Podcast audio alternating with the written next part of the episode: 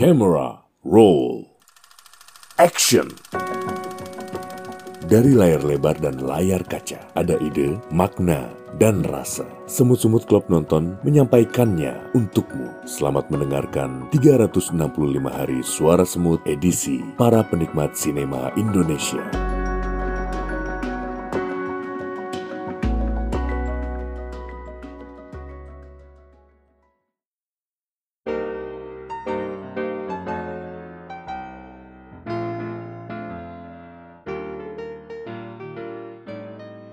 Halo gula-gula, ketemu lagi sama Semut Rizky di Movie Talk barengan Mas Ben dari Watchmen ID.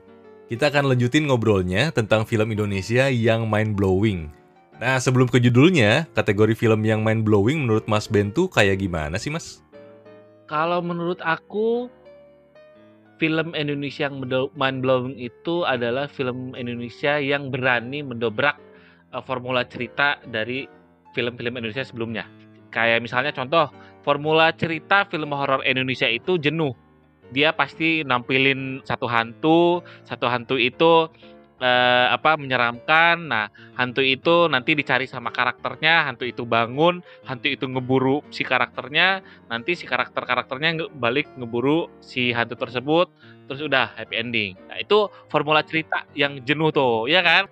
Film yang mind blowing menurut aku adalah film yang berani mendobrak atau yang uh, memberikan cinematic experience yang baru untuk penontonnya. Itu menurut aku sih. Ya mungkin saya setuju juga sama Mas Ben tadi ya. Apa kayak misalnya kalau di film horor tuh tokoh biasa tuh kayak tiba-tiba bisa ngalahin si terornya atau si hantunya gitu. Padahal dia mungkin sebenarnya kan nggak punya pengetahuan tentang itu juga gitu ya. Mm-hmm. Mungkin kalau misalnya uh, dibuat lebih realistis dan nggak memaksakan harus happy ending, ya itu bisa jadi masuk ke kriteria mind blowing sih kalau menurut saya sih. Iya betul. Nah itu juga sebenarnya nggak harus make sense sih. Kita kita bisa punya cerita yang fantasi gitu, yang beneran fiksi tanpa harus make sense, tapi uh, logika ceritanya tuh masuk gitu. Nah itu nanti ada ada beberapa film tuh yang kayak gitu yang makanya saya bilang wah ini mind blowing banget deh gitu. Nah, kalau di Hollywood kan mungkin udah banyak ya, dan nggak nggak selalu horor gitu. Selain horor ada nggak hmm. yang juga main blowing, walaupun filmnya uh, genrenya uh, drama gitu misalnya? Ada drama, romance, terus ada satu film uh, sci-fi juga. Banyak sih sebenarnya, cuman ya uh, balik lagi ya kan definisi mind blowing setiap orang tuh beda-beda gitu. Nah, tapi uh, biasanya kalau ketika curhat ngomong sama film sama sinetron lain itu oh iya itu juga main blowing gitu. cuman main blowingnya kenapa nah biasanya itu beda reasonnya mungkin saya sama Mas Ben ini bakalan punya jagoan masing-masing nih ya. Kita mungkin uh, mulai dengan yang uh, genrenya mirip-mirip kali Mas Ben ya? Boleh boleh boleh. Oke oke. Kalau dari Mas Ben nih apa nih film pertama Indonesia yang wow ini main blowing banget nih? Film pertama Indonesia yang mau aku bahas mungkin film dari Palari, Palari film ya. Seperti Dendam, Rindu Harus Dibayar Tuntas. Itu buat aku wow gitu. Wow, wownya kenapa nih mas? Karena dari segi storytelling, dari segi art, bahkan dari segi narasi, dari segi emosinya juga, dari segi sinematografi itu kayak aku nggak pernah nyangka kalau Indonesia bisa punya film bersetting jadul tapi terasa modern, isi adegannya banyak berantem tapi narasinya kerasa poetik. Itu sebuah kontradiktif, sebuah apa sebuah paradoks yang yang bikin aku kayak wah gila ini yang bikin bi bisa banget gitu. Nah, nah itu yang menurut aku sebuah mind blowing yang nggak semua orang bisa mencapai ke titik itu. Iya, iya iya karena impresi pertamanya dia ini memang dari apa pemilihan kata-katanya dibikin baku banget juga ya. Jadi jadul jadulnya tuh berasa banget gitu ya. Iya, dia dia adaptasi dari bukunya Eka Kurniawan kan. Aku aku hmm. bukan pembaca buku sebenarnya. Kalau kata teman-teman yang baca bukunya ya memang kayak gitu. Ketika aku pertama kali nonton tuh ya let's say 5 menit pertama tuh kayak kok aneh ya filmnya gitu. Kok jadi puit sok-sok puitis gini ya. Tapi begitu aku ngerti klik wah gila ini keren banget gitu. Jadi ada alasannya kenapa dia dibentuk narasinya seperti itu, uh, apa visualnya seperti itu, settingnya seperti itu dan pak at the end of the movie itu langsung wah gila sih bener. Dan si Palari film ini juga termasuk yang berani juga ya. Setelah sebelumnya Arunda dan Lidahnya juga termasuk genre yang ya beda juga ya dibanding film Indonesia lainnya ya. Betul, emang Palari eh, jatuhnya film-film yang ya aku bilang sih nyentrik sih ya, yang mungkin nggak akan bisa diterima oleh uh, semua kalangan, terutama orang yang tidak sebegitu intunya sama film. Gitu. Tapi ya Palari film yakin, oh ini bagus nih gitu demi meningkatkan standar kualitas sinema Indonesia gitu. Soalnya seperti Dendam juga kan dia menang award di uh, festival internasional. Kalau dari sisi pemilihan uh, castnya sendiri kan di sini ada Lydia Sheryl yang udah lama banget nggak main film kan ya. Terus ada Martino Leo, Reza Radian, sama Ratu Felisa juga yang tokoh apa karakternya mengagetkan gitu nih. Cocok gak mas dengan kebutuhan ceritanya? Jujur, castnya udah udah nggak ada udah nggak ada obat sih, udah nggak ada obat. Apalagi yang jadi karakter utama itu siapa sih ya? Martino Leo ya. Nah, Martino Leo gitu udah soulnya udah nyampe udah udah kena banget chemistry-nya juga udah banget. Pas nonton tuh kayak aku nggak bisa nemuin titik gagalnya di mana aku nggak bisa nemuin celahnya. Kan dia settingnya jadul kan aku tuh nungguin gitu. Ada yang pakai apa uh, jam tangan digital misalnya jam tangan digital yang bagus-bagus kayak sekarang gitu atau ada yang bawa kedapatan bawa handphone gitu. Aku nungguin detail kecil kesalahan seperti itu dan dari awal sampai nonton nggak ada. Semua flawless dari setting uh, sampai visual yang ditampilkan flawless. Termasuk motornya juga tuh ya yang jadul banget ya. Iya, motor terus mobil-mobil yang lewat kan dia kan ada adegan kejar-kejaran kan, ada adegan balap-balapan. Nah, itu tuh mobil-mobilnya itu aku nungguin tuh. Ada nggak nih uh, Toyota Rush misalnya gitu atau Avanza atau apa gitu. Nggak ada gitu. Beneran kayak wah gila diperhatikan banget gitu detail uh, setting ceritanya. Nah itu tadi kalau dari Mas Ben ya, kalau dari saya tuh film pertama yang genrenya mungkin mirip-mirip itu ini yang uh, film di tahun 2022 nih, Like and Share, hmm, yang yeah. tokoh-tokohnya tempat kontroversi juga, uh, jalan ceritanya juga kontroversi, tapi ya itu penting untuk disampaikan gitu ke ke penonton gitu. Kenapa? Kenapa menurut Mas Rizky, Mas Rizky uh, penting? Karena mungkin ini ngangkat sisi yang uh, mungkin di sebagian masyarakat umum bilangnya tabu ya. Tapi sebetulnya kalau di remaja ya sebaiknya dikasih edukasi dan dibicarain juga gitu.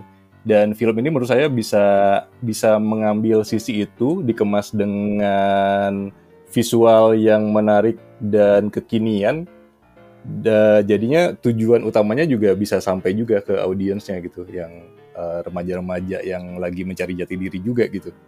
Hmm, jadi intinya message-nya kena, visualnya kena, terus cara bertutur ceritanya pun sudah sudah sesuai dengan audiens zaman sekarang ya. Betul, betul, betul. Ini kan dibikinnya kayak ala-ala food apa food vlogger gitu ya yang cerah terus hmm.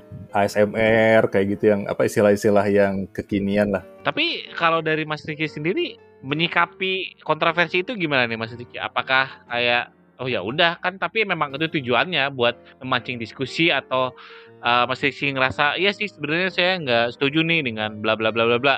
Uh, mungkin ya kontroversi itu di di porsi yang nggak berlebihan bisa bikin orang penasaran untuk nonton filmnya juga sih. Hmm. Dan kalau saya perhatiin mungkin waktu di bioskop memang nggak menarik banyak penonton ya, tapi ketika udah tayang di OTT langsung tuh. Langsung tuh ya pada pada ngebahas, pada oh bilang bagus kayak gitu.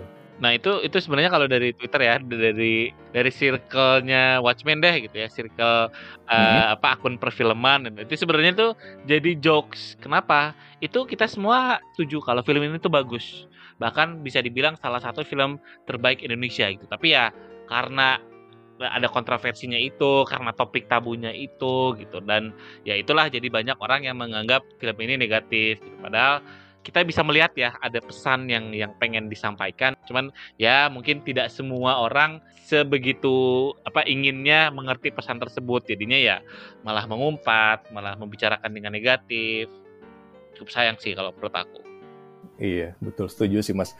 Nah, terus kalau misalnya dari sisi jumlah penonton sendiri kan mungkin like and share sama seperti dendam ini juga nggak nggak menarik banyak penonton ya, nggak jadi box office gitu. Mm. Apakah film-film yang tipe-tipe mind blowing kayak gini nggak bisa komersil, Mas? Kalau menurut aku mm, kurang bisa.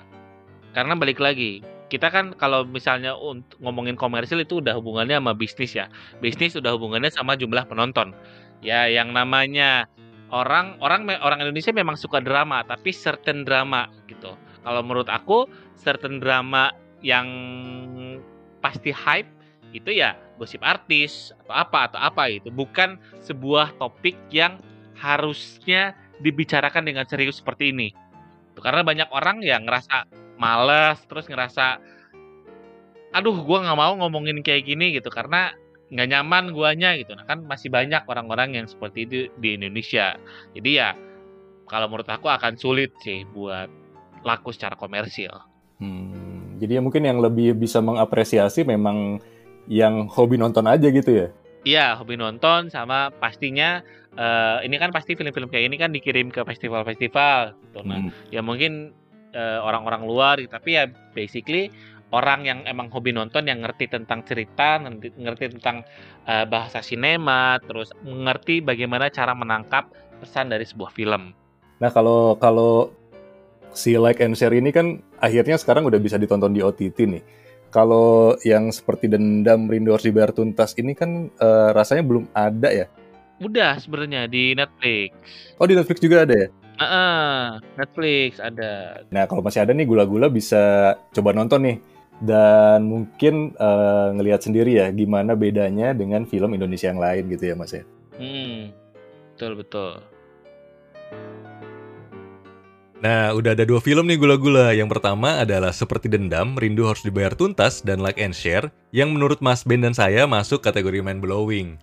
Kalau penasaran sama film-film lainnya, simak terus siniar Semut Merah Kaizen sampai ketemu di episode berikutnya dan jangan lupa follow akun Instagram at Kaizen untuk info terbaru siniar Semut Merah Kaizen dan at official Watchmen ID dan juga Twitternya Watchmen di at Watchmen ID untuk review film terkini dari Watchmen ID.